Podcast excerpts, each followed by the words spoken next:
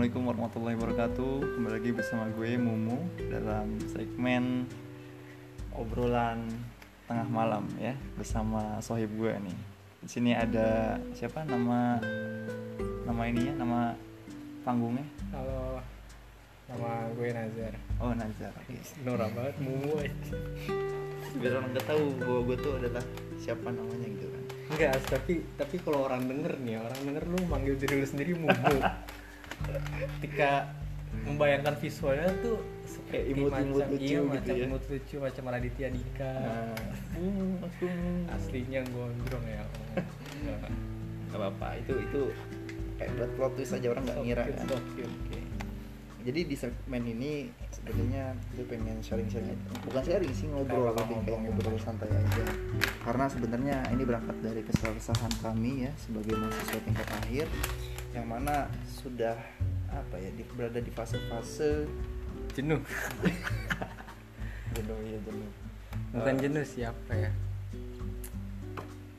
Kayak kayak terlalu banyak tuntutan nggak? Iya, kayak kita tuh masih mulai memasuki fase dunia kerja gitu, tapi di satu sisi lain kaki kita masih berada di kampus gitu. Jadi bahasa kerennya adalah pengangguran tanpa status gitu. Eh, pengangguran berstatus mahasiswa gitu. Jadi gitu kayak, ya kayak gue belum siap untuk lulus untuk mengemban secara resmi sebagai label pengangguran. Karena kalau masih jadi mahasiswa kan ditanya orang lu kerja apa gue masih mahasiswa kan masih masih ada yang bisa menutupi aib itulah kalau sudah lulus dan udah kerjaan kan kayak lu ngapain di rumah mulu gitu.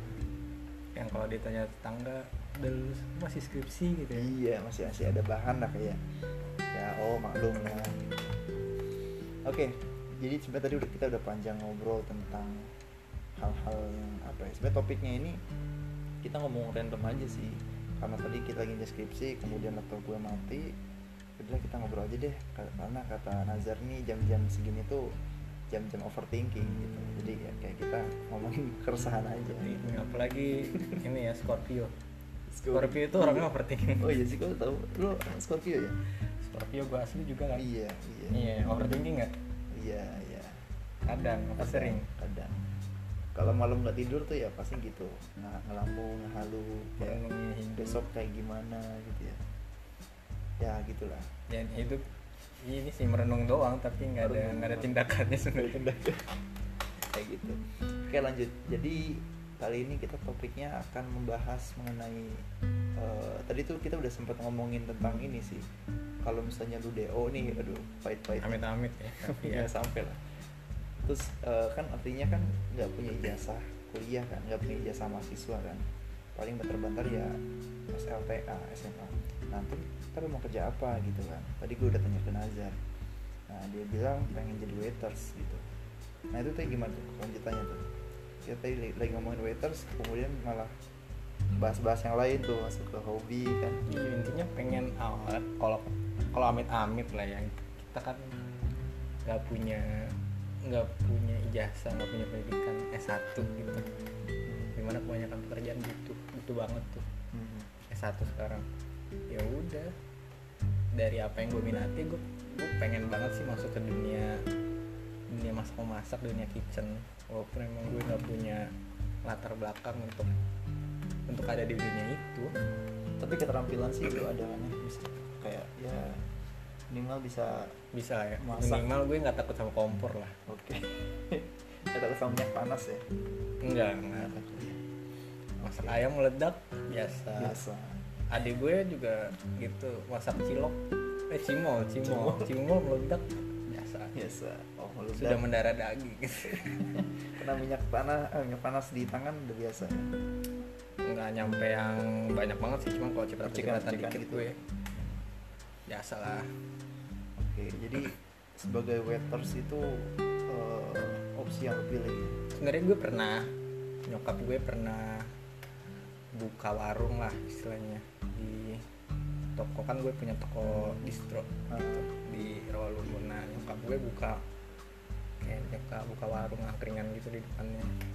Nah itu gue yang bantu bantuin jualan sebagai eh, waitersnya atau masak di situ di angkringan? Enggak masakannya udah jadi sebenarnya. Kayak masakan Oh. jadi. Ambil di orang masakannya berarti? Bikin kayak warteg gitu.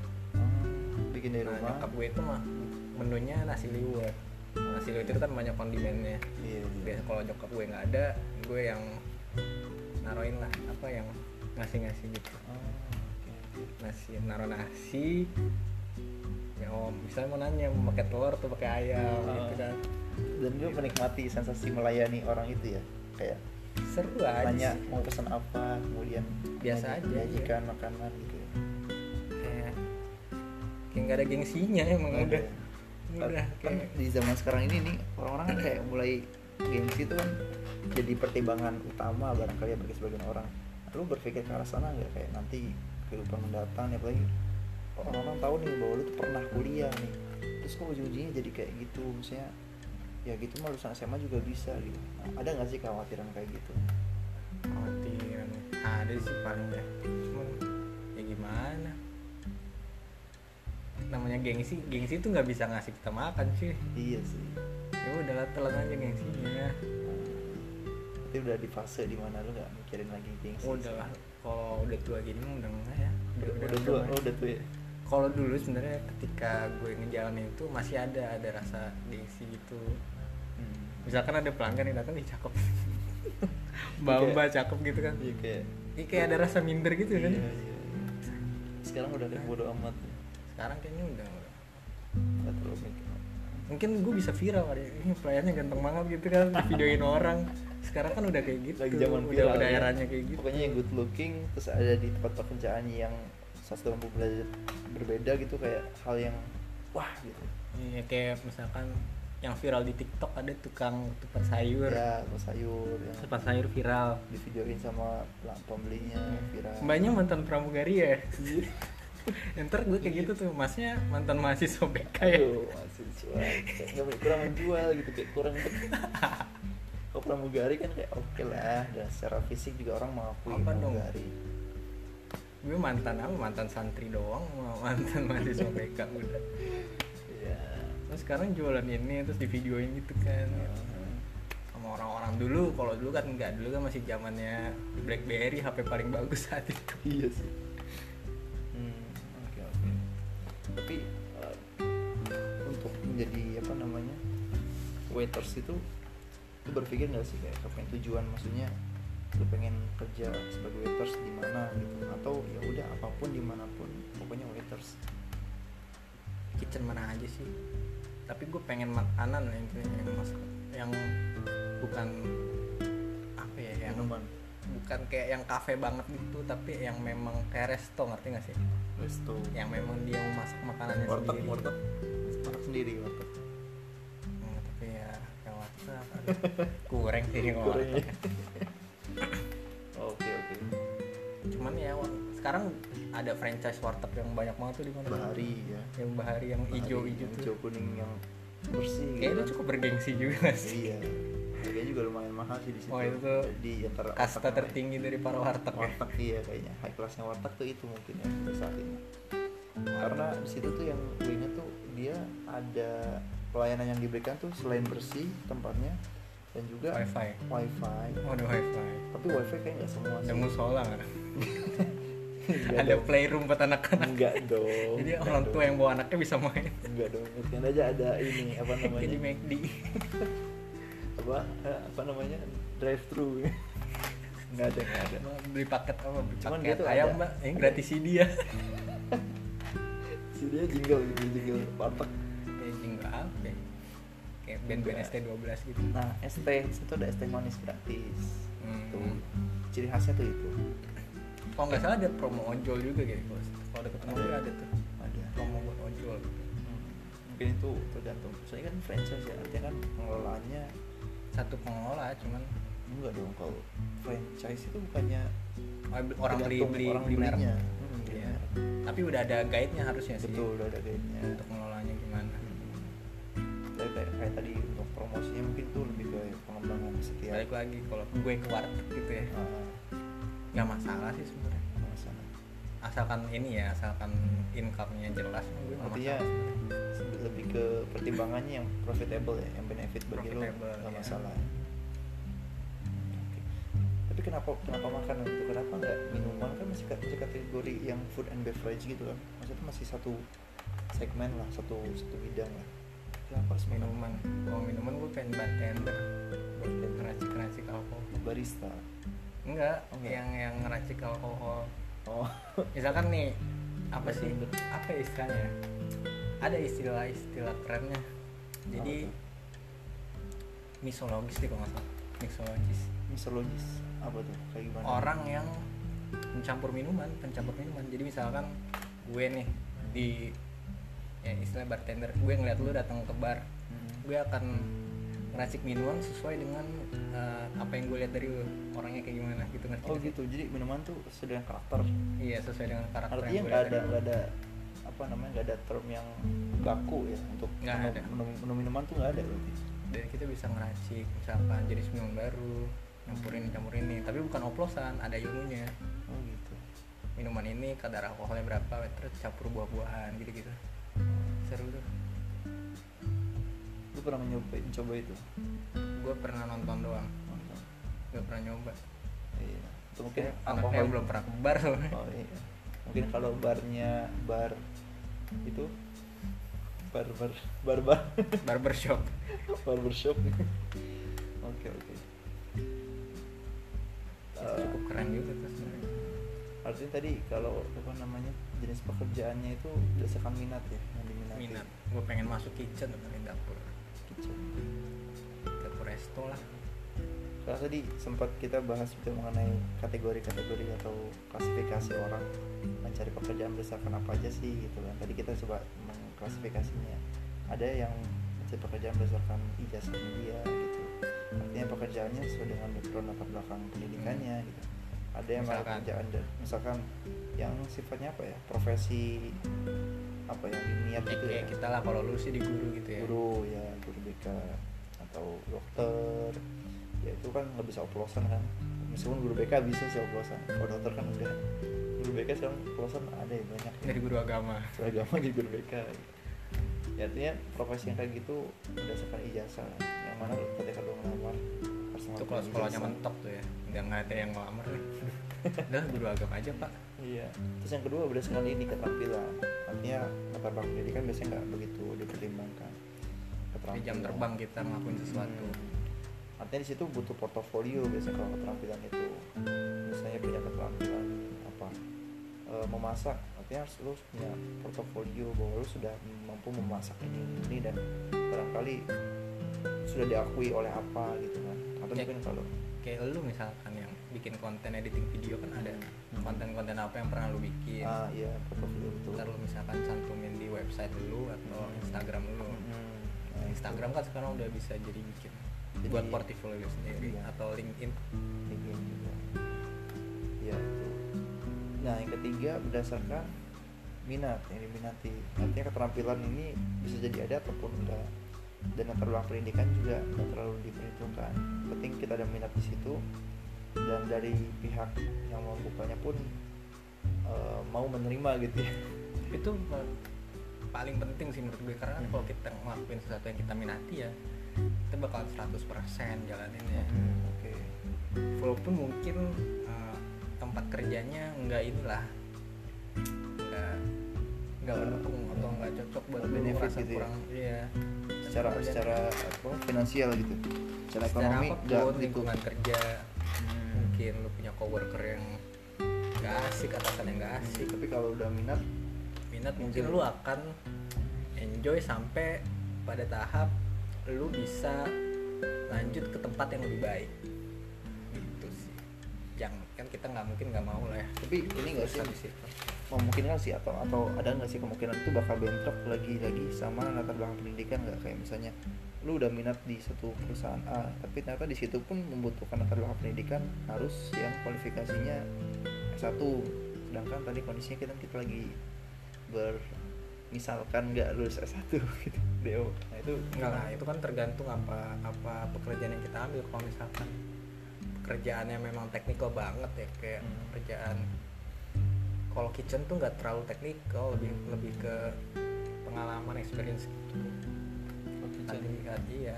Kalau misalkan teknikal kayak ak- akuntan, Hmm, hmm. terus misalkan HRD itu kan butuh sertifikasi gitu gitu Hmm, butuh pengakuan dari Iya. pihak ketiga gitu ya atau lawyer iya harus lah harus oke contoh lah Chef Arnold Hmm. Dia chef dibilang chef. Karena Oh, dia- dia apa? aja tapi dia nggak punya background pendidikan Chef. kuliner. Oh ya Oh, emang dia awalnya kerja di dapur Mhm. terus jam ya terbangnya udah dia banyak sukses di di, itu ya? restorannya terus dia dia jago bikin restoran terus jadi juri. Udah. Diakui kalau memang dia bisa bisa masak Hmm. Oke itu yang ketiga ya bisa minat. Nah yang keempat ini yang apa adanya lah biasanya ya.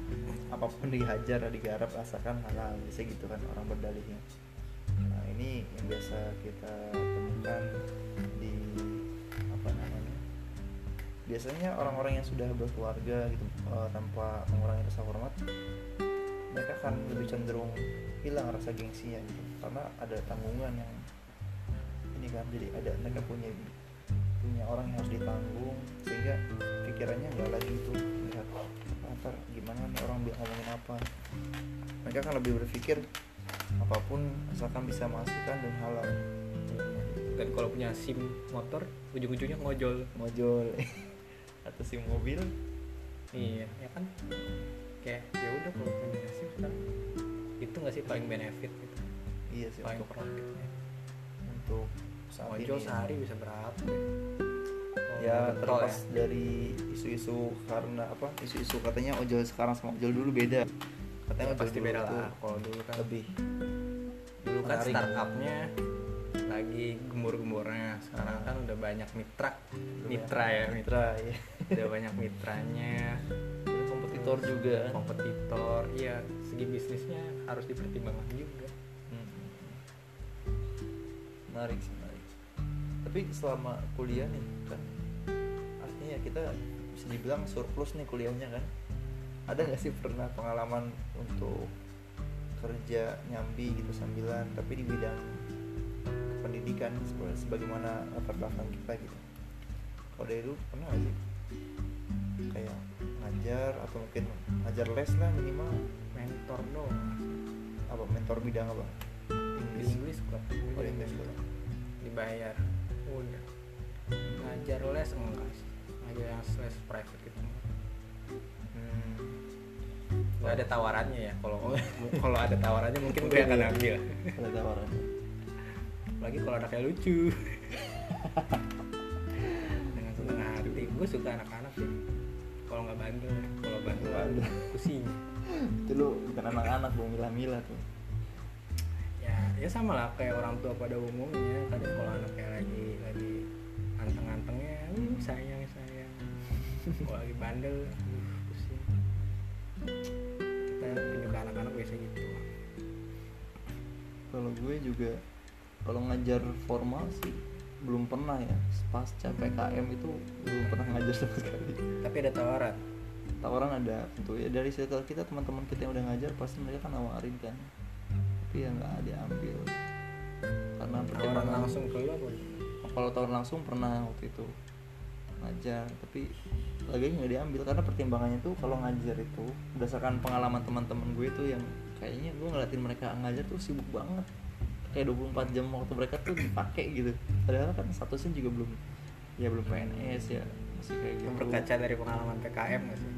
Iya itu juga. Kayak lu PKM tuh repot banget kan ya buat pendengar yang nggak tahu PKM apa oh iya PKM itu eh, keterampilan praktik praktikum keterampilan mengajar gitu. Iya. Kalau di pe- pendidikan itu kuliah kita PKM bukan PKL. Nah paling itu doang pengalaman ngajar gue di situ. Ya, meskipun orang-orang bilang kayak misalnya oh kan lu pernah ngajar di tempat di sekolah yang favorit gitu, gue nggak merasa diistimewakan gitu. Justru merasa, merasa tertekan kan. waktu itu lu PKM di mana di ini boleh disebutin nggak? Aduh. Jangan deh ya pokoknya dia sekolah swasta favorit lah ya. Salah satu sekolah swasta favorit di Jakarta. Gue nggak mau menilai kok nggak menilai cuman gue lebih ke menilai diri aja gitu. Sebagai mahasiswa dengan apa ya calon guru gitu gue menilai kapasitas gue di, di bidang pendidikan tuh atau sebagai guru tuh kayaknya masih apa ya kayak kurang gitu. ya? kayak kayaknya kayak nggak kayak nggak ini banget. Kayak kurang aja gitu Tapi ambil lu ada ini kan ada maksudnya ada sparksnya nggak ketika lo misalkan ada di depan kelas pres- menerangkan sesuatu menjelaskan sesuatu atau ketika lo di kampus Hmm. kuliah presentasi kayaknya lu paling demen presentasi deh As. selalu dijadiin ayo aspek lu yang presentasi lu yang presentasi iya sih mungkin kan itu sebenarnya gini kalau boleh jujur sebenarnya gue tuh nggak begitu eh, nggak nggak memilih guru bukan berarti gue benci. Gue suka ngajar sebenarnya gue suka ngajar gitu. Bahkan gue akan lebih mencerna materi itu dengan gue mengajarkan kepada orang lain. Makanya dulu kan waktu di kampus itu pas di kelas sebenarnya kan gue sering ngadain kelompok-kelompok kecil buat diskusi yuk mau ulangan? Kita kayak ngentangin ulang. Dan padahal waktu itu kondisi gue nggak begitu paham. Tapi dengan gue mengulas-ngulas coba memahami kemudian berinteraksi diskusi gue jadi paham gitu dengan mengajar. Itu mungkin cara gue untuk lebih memahami materi dengan cara mengajar sebenarnya yang, yang gue nggak suka dari kurang suka dari guru itu lebih ke administrasinya. Administrasi itu yang menghambat gue untuk memutuskan berkarir sebagai seorang guru. Itu apalagi guru BK gitu ya yang mana kita tahu khususnya kita sebagai mahasiswa BK kita tahu nih sebenarnya di BK ini tuntutan administrasi itu banyak banget gitu. Tapi emang emang ya emang kerjanya gitu kan namanya juga di Iya. institusi Betul mau sih. di mana pun mau di sekolah atau lo mau di lembaga apa juga pasti ada tapi kan sebenarnya yang apa, apa namanya? coba yang nggak ada administrasinya Hmm, Gimana nih? enggak sih bukan berarti menghindari administrasi juga kecuali lu volunteer ke ke anak-anak kurang mampu Hmm. orang-orang kurang mampu iya iya nggak perlu ya tinggal ngajarin aja langsung nggak tahu sih mungkin karena ketika kuliah yang mata kuliah yang berhubungan sama administrasi itu gue kurang menguasai gitu bahkan Ya, ya, betul lo butuh mengulang ini. mengulang terus kan sampai beberapa kali. ya gitu. Mungkin lebih ke situ aja sih pertimbangannya. Karena kalau ngajar pun gue ngajar juga sih. Kemarin-kemarin sempat ngajar juga. Pernah ngajar privat juga. Ya meskipun ngajar privatnya nggak intens gitu. Paling kayak gantiin orang ngajar. Pernah waktu itu ngaj- gantiin orang ngajar anak SD privat gantiin teman. Terus juga ngajar ngaji gitu pernah juga. Bahkan sampai saat ini juga masih sebelum pandemi. Dan pas pandemi pun gitu sebelum pas Ramadan. pandemi orang-orang udah berhenti ngaji ya? Gitu juga. Masih. Ngajinya di rumah Ngaji maksudnya. Tapi kemarin sebelum Ramadan masih aktif tuh tempat pengajiannya. Namanya pengajian rakyat itu di daerah Sunten itu ada artinya untuk semangat ngajar atau minat di bidang pendidikan tuh sebenarnya ada tapi entah kenapa untuk spesifikasi ilmu kebekaan dalam arti guru BK itu kurang tertarik karena administrasi gitu. Dan tadi jam kerjanya yang 24 jam lah dalam tanda kutip ya kayak karena kayak sebelum lu besok masuk sekolah lu harus menyiapkan dulu malamnya. Kemudian besoknya dari pagi sampai sore sekolah. Itu, kalau full day. beda topik sih itu mah udah ke work life balance. Oh iya sih tapi entah kenapa sih kalau semua pekerjaan punya resiko itu Mm-mm. tapi kalau misalnya gue bandingin sama pekerjaan sekarang yang sekarang lagi gue jalanin di bidang apa namanya Kripto? industri enggak dong. Ternak ternak kripto. tambang bitcoin ya. Enggak enggak enggak. Lebih kayak ini lebih kayak em, dunia entertain bisa sebut dunia entertain gak ya? Iya, konten perkontenan. Konten apa kontenan ya konten Ya, video- digital ya. digital konten. Nah itu.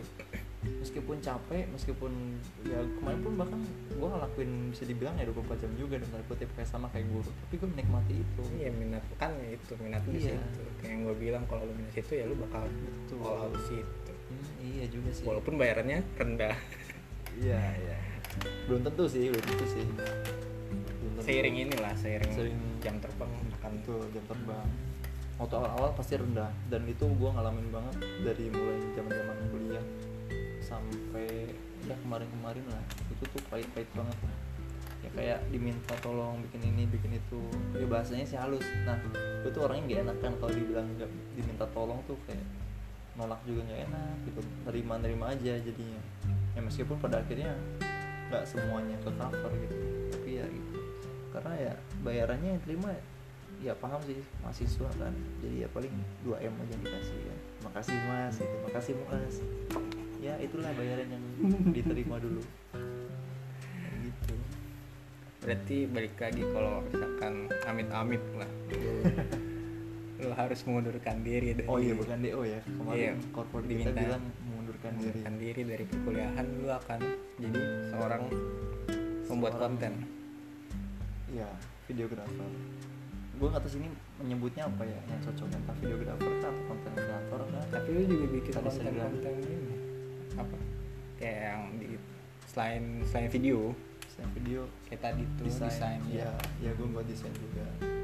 Mungkin apa ya kalau yang lagi lagi ke- yang kekinian tuh istilahnya ini mungkin eh, visual enthusiast. Iya nggak sih? Visual enthusiast.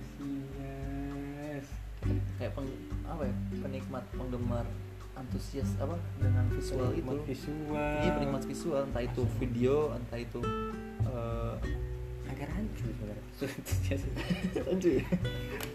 Entah mungkin gue menemukan di istilah ini di eh, salah satu konten creator yang gue idolakan sih dia mau menyebut dirinya itu jadi kayak kayaknya keren sih karena masih jarang orang yang menggunakan istilah itu oh ya udah terlepas dari benar atau salahnya ya dalam grammar ya. Cuman intinya kayak gitu. Karena gue suka audio visual sama gue suka ini sih. Gue suka musik tapi gue nggak bisa bermusik. Penikmat musik gitu. Penikmat gue penikmat musik banget. Hmm. lu, lu gitu nggak? Enggak sih kalau gue kalau musik enggak enggak begitu. Gue suka banget musik. Tapi gue nggak bisa bermusik tapi gue pengen iya. pengen ada di industri itu kan Oh, oke. Gue juga sama, gue gak bisa bermusik juga. Bahkan main gitar itu Pertama kali gue belajar gitar itu Cuman bisa kunci A minor sama E. A, E, A Iya, Eh, iya. A sama A A sama Atasnya A apa? Eh, F. F ya, F. Aja gue gak tahu kan. Nah artinya gue gak bisa main musik. Baik itu gitar, piano, bahkan recorder sekalipun Waktu SMA dulu Payah banget itu. Pianika recorder. Oh kayak suling. kayak suling. Tapi plastik ya bahannya gitu. Nah itu gue nggak bisa. Gue pengen bermusik. Belum musik kayak ngeliat-ngeliat ya kalau misalkan di Instagram ada yang konten-konten musik tuh kayak seru gitu. Suka aja gitu. Ya. suka aja gitu ngomongin soal musik apa gen- genre apa sih yang yang lu suka mainstream sih gue apa tuh? Pop R&B ya yang yang musik-musik enak zaman yang, sekarang yang happening gitu ya? Happening suka biasanya kan yang happening pasti pop lah ya. hmm. pop. Indie gitu suka nggak? kan kemarin sempat sempat naik tuh istilah-istilah indie indie. itu ya orang sekarang bilang udah indie tuh udah masuk genre musik ya. Sebenarnya kan mungkin sebenarnya bukan ya mereka yang produksi musik tanpa label kan. Mhm. terus sekarang udah kayak musisi-musisi Ini. ini. sebenarnya sekarang udah nggak indie banyak ya. Iya udah, udah, udah, udah banyak diambil sama label-label besar label-label banyak kok musik-musik mereka enak lu suka. Nadine Nadine indie nggak Nadine. Indie. kayaknya. Indie. Kayaknya indie. Dia musiknya itu kayak jenisnya apa kalau di kalau menurut gue sih folk ya folk. Folk. Kalau R&B Top Pramono jazz bikin jazz. Suka gitu? Suka karena emang enak aja. Dan memang memang banyak yang suka kan buktinya. Penikmat musik. So pengen deh gue jadi penyanyi apa ya? Kayaknya di momen-momen kayak gitu kita bisa berhayal untuk punya. jadi apa pun gitu ya. Gue nggak punya circle musisi. Gue nggak punya circle apa yang orang-orang yang bekerja di dunia musik. Karena kan biasanya kan semua berawal dari ini ya tongkrong tongkrongan circle pertemanan iya sih gue sepakat sih kenapa gue nggak bisa bermusik sih? Juga karena dari kecil gue nggak ada di lingkungan musisi iya benar orang tua juga nggak ngasih fasilitas juga ya. Orang tua gue nggak bermusik Hmm. nyokap kagak. Bokap gue bokap gue lebih ke gambar seni seni gambar. Seni gambar. tapi Iya, ada ada nurun ya enggak lagi. Abang gue nurunnya abang gue Oh. jago gambar. Jago gambar. Gue enggak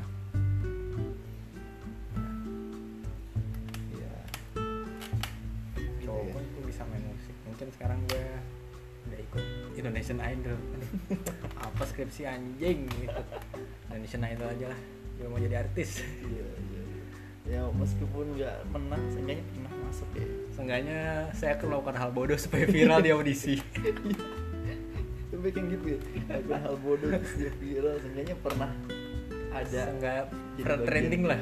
Trending ya Trending, ntar kan tinggal diundang nih masuk acara komedi. Iya soalnya alurnya gitu ya. Alurnya gitu. yang, yang trending orang-orang yang viral diundang acara komedi. Masuk acara komedi jadi ininya jadi kesetnya yang dibulian ikut-ikutan tapi yang apa-apa yang penting kan bayar ya. Iya. bayaran TV kan lumayan. Lumayan. Yang penting masuk TV dulu. Nanti udah masuk TV orang-orang tahu. Tinggal bikin karya ya enggak iya iya. Sekarang sekarang udah simpel tuh. ntar banyak jangan jangan ditiru ya teman-teman yang mendengarkan kalau ada yang denger ya. Tapi nggak apa-apa sih. Kalau ujung-ujungnya akan membuat karya sih nggak apa-apa. Cuman kalau cuma bikin sensasi cuma biar viral mah itu bodoh namanya. Apalagi melakukan hal yang bodoh. Iya. Maksudnya kayak hal bodoh yang yang menurunkan harga diri. Hmm. kalau hal bodoh yang aneh tapi tapi Masih- tidak menurunkan harga diri itu nggak apa-apa lah ya. Kayak misalkan unik ya, ya jadi aneh aja. unik aneh gitu. emang aneh aja gitu. Heeh. kayak yang lagu bisa Sabian. Bisa Sabian. Iya itu kan aneh aja aneh. I love you so much. Itu gue yakin tuh terngiang-ngiang tuh sialan banget. Wuk, wuk, wuk, wuk. ada wukuknya lagi. Anjing ngapain? Apa apain ala-ala aransemen DJ gitu ya terus gue nonton lagi yang versi lainnya yang lagu lain. To the bone to the bone. Tapi lagunya nadanya sama cuma ganti lirik doang. Ya Allah. Nah tapi gue yakin gue, gue aku itu kreatif sih. Maksudnya tuh orang ya mungkin sebagian melihatnya aneh gitu kan. Iya, Gue it- memang it, memang itu triknya memang. iya bikin yang aneh seaneh mungkin diomongin orang. Naik naik, ratingnya naik, namanya naik diundang kan di acara komedi. Cara podcast Om Deddy di YouTube. Semua itu kayak apa ya menaikkan engagement tapi ya meskipun ya pasti ada yang hujat sih pasti ya resiko kan. Dihujat dari kenyataan kayak memang lagunya nggak enak. Dia tahu lagu itu tidak Iya. enak sama kayak tapi akan viral. Sama kayak dulu zamannya viral lagu 3000 itu. Nah kan ada yang aransemen juga tuh cover sih lebih cover Raditya Dika lu tau gak? Raditya Dika dia cover Hmm. lagunya I Love You apa 3000 itu. Tapi pakai bahasa Indonesia. Ya Tahu tahu kan? gitu. Itu kan- dan dengan suaranya Radit. Iya. tapi kayak gitu ini juga unik kreatif dan itu nggak menunjukkan harga dirinya dia juga.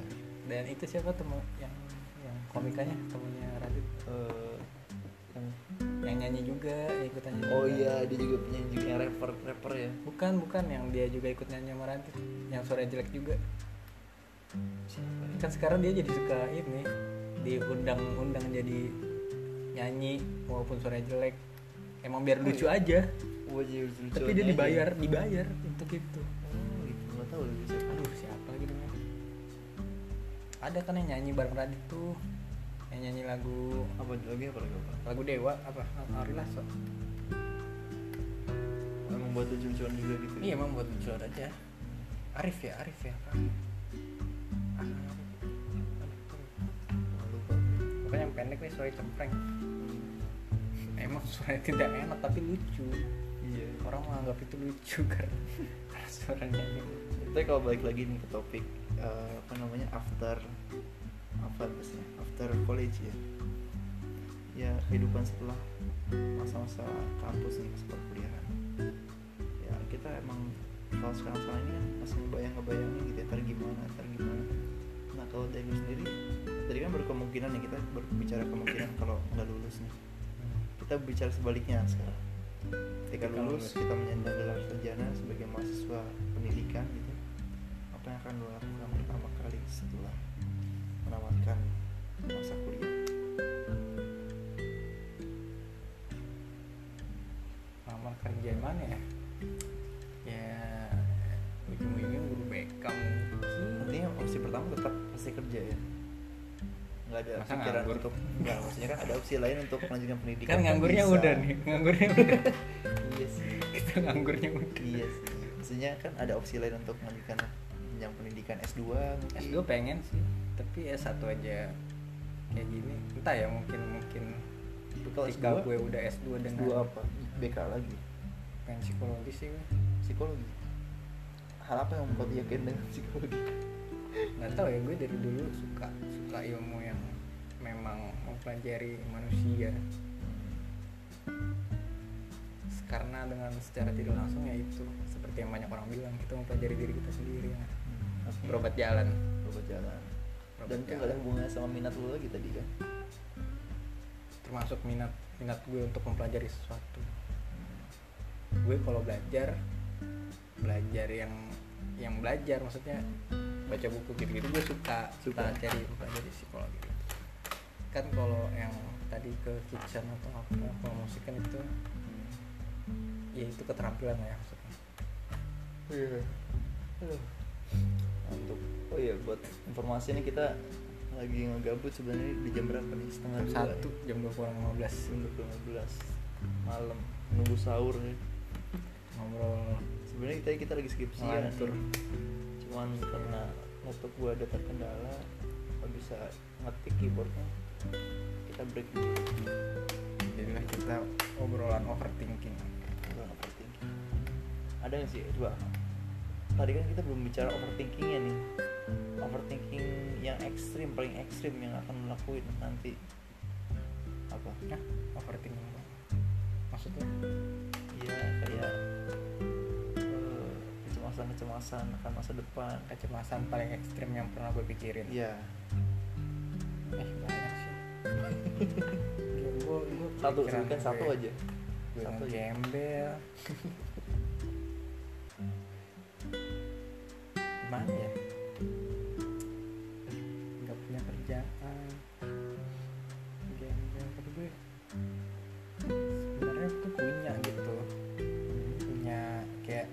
yang sehat dan gue bisa bekerja. Hmm.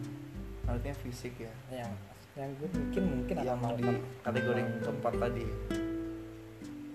Mungkin gue akan melakukan apa pun untuk untuk dapat kerja sih kerja. Kerja apa aja deh. Jadi kuli pun apa apa deh. Untuk kerja ini deh gue pengen mungkin jualan ya. Sekarang jualan tuh gue nggak tahu jualan apa. Tapi jualan aja lah kayak jualan nih. Iya sih. Jualan apa ya? Jualan apa aja? Jualan buka ini gorengan buka stall stand di pasar. Nggak tertarik buat ini mining. Mining. Bitcoin Crypto. Nggak ngerti gue. atau trading. Gue dulu belajar trading. Terus? Tapi untuk bisa trading itu nominalnya besar. Modalnya gitu? Hmm. modalnya besar. Apa namanya? Judi judi. Nggak tertarik judi Pak. gue belajar sih investasi. Maksudnya dari dari sih dari apa yang video-video orang hmm. sampein orang-orang gue gue belajar. Ya, misalnya, misalkan kita kan tadi lagi bicara kecemasan terburuk nih. Nah maksudnya kan ada opsi karena nih, pengalaman gue pribadi nih di fase-fase kayak gitu banyak yang nawarin. Ya tiba-tiba pesan masuk atau email masuk nawarin judi bola nawarin toge. Terus nawarin Enggak, kepikiran gak kayak gitu kayak untuk gue nggak pernah tertarik untuk judi. Nggak pernah. Nggak pernah. Judi taruhan gitu-gitu gue nggak pernah sih.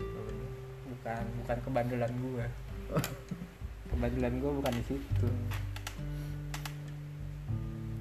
Atau mungkin karena gue belum pernah mendapatkan ininya ya nikmatnya. Dia belum tahu sensasinya ya. Tapi gue nggak pernah penasaran sih. Nggak pernah penasaran. Lu pernah penasaran melakukan pernah. Judi pernah penasaran karena apa ya? Mungkin kayak karena dari game kali ya. Karena dulu kan saya gue tuh dulu suka main game suka main game dan sebenarnya banyak tuh konten-konten dalam game itu yang dia tuh kayak miniatur judi gitu loh. Ya meskipun kita nggak mengeluarkan biaya ya. Mau kayak gambling gambling gitu ya sebenarnya hal yang sifatnya gambling kemudian dapat apa kuca gitu kan terus gacha. Gacha ya gacha terus apa gitu. Itu kayak ada rasa kepuasan sendiri gitu. sampai kayak pernah gue menghabiskan banyak chip gitu untuk mendapatkan satu reward yang extraordinary gitu. Dan ketika dapat tuh kayak wah feelnya wah gue berhasil nih. Judi tuh kayak judi terkecil itu adalah beli kita ini ngisi saldo elektronik untuk beli mystery box itu adalah judi itu. Kita bertaruh ini isinya Iya, apa? Iya iya iya sepakat sepakat. Sampai ngeluarin itu ya. terkecil dari judi tuh. Kita ngeluarin modal untuk beli suatu mystery box. Yang kita nggak tahu apa gitu kan. Nggak tahu. tapi entah kenapa kita menikmati sensasi itu gak sih eh gue belum belum pernah sih gue belum pernah sampai Nah, ngeluarin itu. duit sih. kenapa kontennya David Gadget ini laku tuh? Kenapa yang unboxing mystery box mystery box. Lu nonton nggak? Nggak. gue nontonin lagi. Enggak, gue gak nonton sih. Cuma kalau untuk konten lainnya gue nonton. Lebih ke kebutuhan aja Kayak gue lagi nyari apa Baru gue nyari referensi dari dia. Seru tuh unboxing mystery box. Dia beli dari toko ini toko ini. Hmm. jual mystery box harganya lima ratus ribu tujuh ratus ribu Terus isinya random gitu. Isinya random. Tapi itu nggak judi lah ya karena kan kita udah pasti dapat gitu isinya. Iya. walaupun mungkin Gak tau isinya gitu. tahu isinya. Kalau judi antaran kita nggak nggak tentu nggak tentu dapat return gitu. Hmm. bisa kalah yang loss banget. Ya, gitu. ya kalah ya kalah nggak dapet apa apa Dari game tuh. Itu bentuk terkecil judi udah diajarin judi dari kecil. Iya Secara gak sadar ya Tapi kalau kalau gue misalnya kecemasan terburuk Kayak Gue tuh berpikir kan gue anak pertama Dari tiga bersaudara Dengan kondisi keluarga yang Hampir semua itu sedang sakit gitu Dan gak mungkin tetap bekerja Kecuali ibu. Kayak gue berpikir Putus dari kuliah Ya ini Semoga nggak sampai ya Ini kemungkinan terburuk gitu. Putus kuliah Kemudian eh, kerja di orang sedapat dapatnya kerjaan gitu. Terus nikah nggak tahu kapan tahu karena apakah masih ada orang yang bakal mau gitu. Dengan kondisi kayak gitu kan. Bakal panjangin rambut sampai orang nggak kenal gue siapa. Bukannya dulu di kuliahan ada yang mau sama Muas kan dulu. Gue yang dulu sama sekarang kan beda banget. Iya, gue dulu juga digila-gila. Iya kayak nazar nazar gitu. Kayak Anjing dorong. Bareng lagi pas MPA tuh dulu pas orientasi. Oh iya. Gila. Gak inget gue Nggak, lu gue inget banget tuh dulu zaman SM, SMA Emang dulu gue seganteng itu ya? Bukan bukan ganteng Zar kayak lu tuh apa ya eh, karismatik gitu. Bagi cewek mungkin ya. Karena mungkin Apaan aja karismatik dari mana MPA bukan- sudah pakai baju oren. bukan karismatik sih. Oren Karena karena gini, kemeja oren itu mengeluarkan karisma dari mananya. Gue malu sumpah oh bukan pakai kemeja oren. bukan karisma. Mungkin ini. Lu malu terlihat. gak sih kemeja oren? Ah sih lu kayak wortel. Cosplay wortel ya. Sumpah malu banget. Ah kemeja oren. Ah, terus gue di komen lagi kemeja gue kurang oren sama siapa waktu itu ya. Kakak Gue pudar orang pudar gitu ya. Pokoknya yang oren banget itu kemeja gue inget Firman ya kalau nggak salah. Firman. Firman oren banget anjir. Ih, nggak malu apa nih? Oh iya jadi Oren lagi. Karisma dari mananya enggak lah. MP itu tidak akan mengeluarkan karisma gua Oh iya, dengan buat- kemeja yang nggak tahu MPH MPH itu ospek nama ospek di kampus kita tuh namanya MPH dan itu salah satu momen di sana kita diminta harus pakai baju warna orange karena Kemeja, sering- kemeja orange. oh iya, kemeja orange karena itu mencerminkan identitas jurusan kita gitu nah ini bukan bukan jurusannya jelek ya tapi Iya. emang emang gue ngerasa nggak pantas aja pakai oren. Tapi kalau balik lagi ke tadi hal yang buat tertarik mungkin kalau gue melihatnya terlihat lebih dewasa kali ya dibanding yang lain. Karena lu sebagai anak lulusan SMA punya bewokan itu jarang men. Emang berewokan eh, iya lah. Jenggotan lah minimal jenggot. Nah terus juga lu bawa tab kan foto bareng pakai tab lu sama Farhan tuh lu dua tuh. Punya tab kan lu sama Farhan. Ya. yang tablet. Kayak orang-orang tuh kayak wah anak kota banget sih gitu. Iya gak sih? Kalau gue jatuhnya Nora itu baru keluar dari dari pesantren. Iya, enam tahun. tapi, tapi gue ngeliatnya anak kota atau mungkin karena gue dari desa kali yang melihat semua orang kayaknya dari kota gitu kecuali gue padahal enggak juga. Itu mungkin. Tadi kita lagi ngomongin apa sih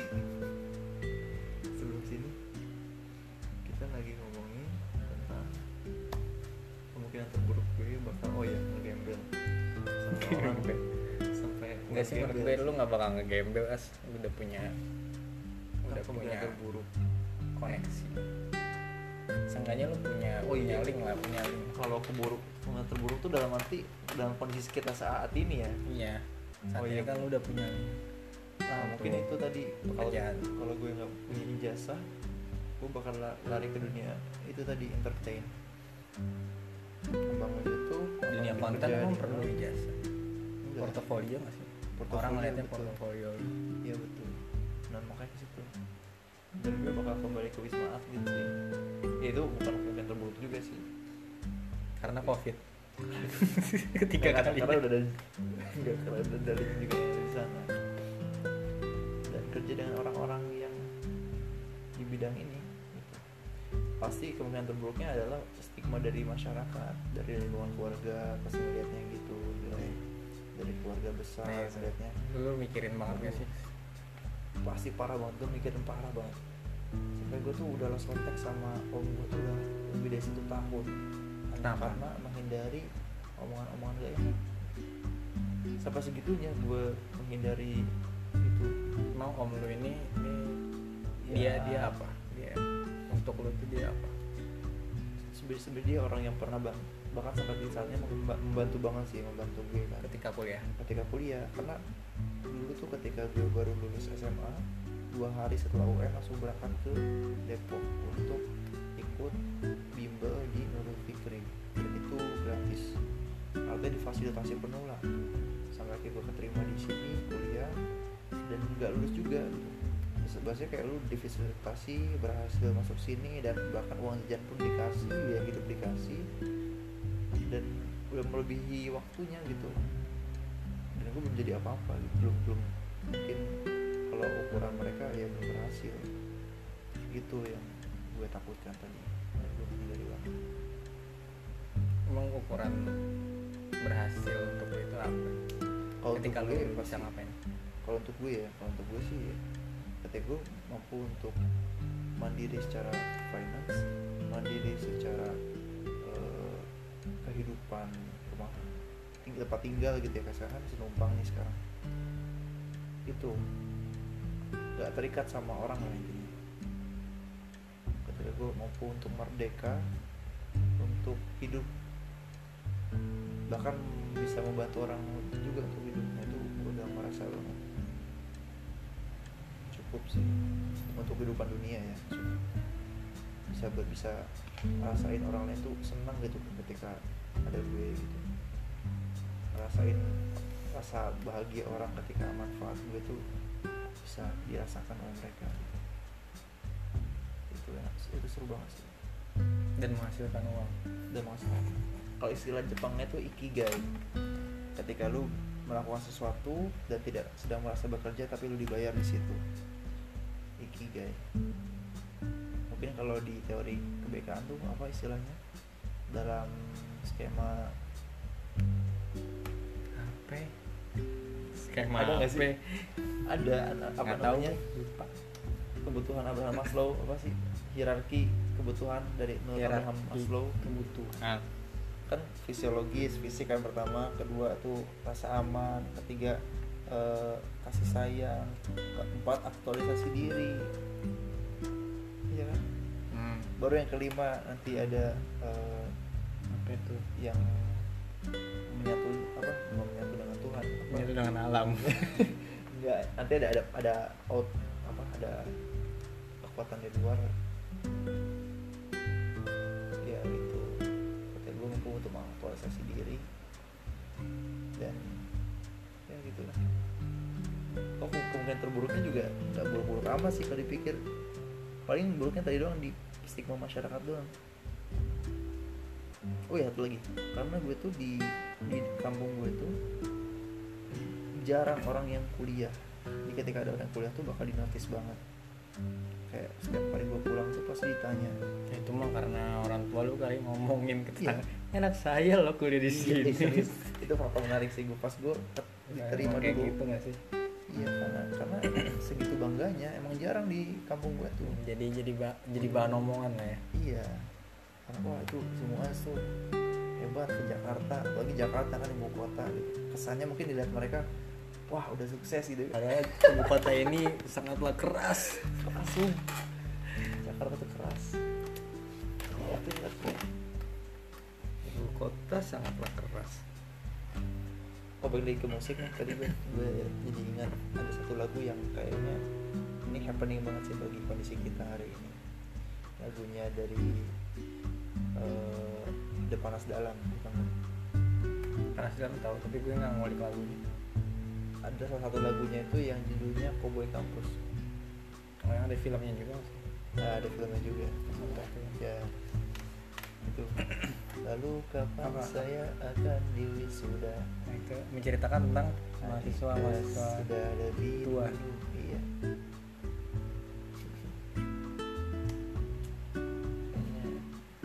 Segitunya ya. Jadi film filmnya juga menceritakan itu? Iya di film juga menceritakan itu. Tapi memang kondisi di film itu ya emang di fase-fase reformasi kan. Jadi kayak mendukung gitu kayak lu juga lama bakal ditanya orang banget sih nggak tahu sih kalau kejadian sebenarnya waktu itu. Ya tapi kan kita nggak bisa ya ngebanding bandingin karena bukannya bermaksud untuk denial ya. Iya ya kan iya. timeline orang beda beda gitu. Hmm. bukannya denial kita ya udahlah gini kita ya udah gini aja. Nggak gitu. Cuman ya emang mungkin timeline orang beda beda iya kalau kita lihat juga banyak yang mungkin kuliahnya tujuh tahun Hmm. tapi bisa kok bisa mengaktualisasikan diri lah misalnya. tapi ya banyak juga yang walaupun kuliah tujuh tahun tapi nggak bisa apa apa juga iya intinya ketika kita udah udah lewat lah dari target yang seharusnya kita lulus ya 4 tahun Hmm. ketika kita tujuh tahun nih lulus kita harus bekerja lebih keras nggak sih dari orang-orang lain untuk mencapai kebutuhan aktualisasi diri itu Hmm, kalau gue nggak sepakat. Itu sebenarnya kalau itu tergantung dari kitanya apa yang kita lakuin selama tujuh tahun itu. Apakah kita hanya tok ngurusin kuliah kita atau kita juga sambil menyiapkan pasca kuliahnya gitu. Karena kayak misalnya yang saat ini gue lakuin nih, gue punya pikiran sama kayak gitu. Karena udah kepalang jauh nih, kepalang udah ngelewatin batas eh, perkuliahan pada umumnya, gue berpikir pokoknya gue nggak boleh lulus kayak lulus, asal lulus doang gitu. Harus meninggalkan bekas atau minimal kalaupun nggak meninggalkan bekas di kampus gue punya bekal ke depan gitu. Jadi gue nggak tahu nih nggak bingung sih setelah kuliah mau ngapain dan ke mana. Nah makanya dia sejak masa kampus itu gue udah membangun relasi membangun keterampilan belajar sana sini banyak ilmu dijajal fakta menarik gue mencoba banyak banget ilmu baru yang sebenarnya gue belum pernah mencoba itu kayak misalnya gue belajar ngoding sampai ikut eh, kelasnya ngoding keliling keliling komplek itu ngoding ngoding Gording, Gording, Gording. Ini coding bahasa pemrograman. Padahal gue gak ada background sama sekali tentang itu. Gue belajar sampai gue ikut bela-belain be- beli kelasnya sampai ratusan ribu bahkan mungkin keluar duit seribuan lebih lah sejutaan lebih udah keluar buat belajar itu. Sampai beli bukunya Gramedia ngoding website udah ngoding Android gue pelajarin gitu. Sampai minimal bisa bikin prototipenya lah gitu atau asal jadi selesai. Dan nggak tahan lama. Kemudian pernah juga belajar menjahit. Gue pernah belajar menjahit sampai ikut kursus juga cuman kursusnya nggak berbayar karena waktu itu emang ada tetangga yang dia bisa menjahit tetangga yang di Depok. Gue belajar ke sana. Pernah juga belajar untuk memasak karena tuntutan anak-anak rantau harus bisa masak. Gitu. Kemudian belajar juga ya videografi yang sampai ditekuni sampai saat ini dan desain grafis juga sama masih ditekuni sampai saat ini. Kemudian juga pernah belajar juga bahasa Inggris sampai ikut kursus NEC waktu itu karena masih dapat bidik misi jadi ada uang lah buat biaya kursusnya gitu pernah ikut kursus juga bahasa Inggris karena pengen bisa bahasa Inggris gitu nggak mikir buat TOEFL nggak mikir buat TOEFL oh udah penuh ya Wah, udah nggak berasa nih, udah mau Oke. 5 menit lagi nih kita. Kita habisin dulu nih bagian ini. Terus pernah juga belajar tentang uh, rukyah. Padahal nggak ada nggak ada latar belakang sama sekali tiba-tiba kepikiran eh pengen belajar rukyah. Jauh banget ya dari keilmuan akademik. Nah, Enggak pengen belajar shiatsu, shiatsu. Kok? Injek-injek orang, tapi coba praktek ya. Coba. ketak-ketak, ketak-ketakin orang. tapi gimana gue sampai ikut melampiaskan emosi. ikut pelatihan rukyah itu ikut pelatihan rukyah sampai dapat eh, ini sertifikatnya sebagai praktisi rukyah sampai ya banyak kenalan dan komunitas-komunitas. Tapi nggak lanjut. Komunitas rukyah tuh gimana? Kalau ketemu saling merukyah gitu. Iya dong. Saling upgrade ilmu sharing pengalaman kemudian ada temuan-temuan baru kayak gitu-gitu. Ada kajian-kajian maksudnya temuan tuh kayak ada kasus baru nih kayak gini ini gimana ngatasinya gitu-gitu. Kemudian kayak kajian kajiannya sampai praktik membedah buku karya eh, Syekh eh, di Mesir siapa? Syekh Yasin Mesir. Kayak gitu-gitu pernah ada suatu kajian yang khusus membahas tentang kepedukunan misalnya santet. Kita pelajari itu gimana cara kerja santet dan sebagainya. Intinya merukyah lah itu udah ada delapan. Kemudian pernah juga belajar apa lagi. Ya?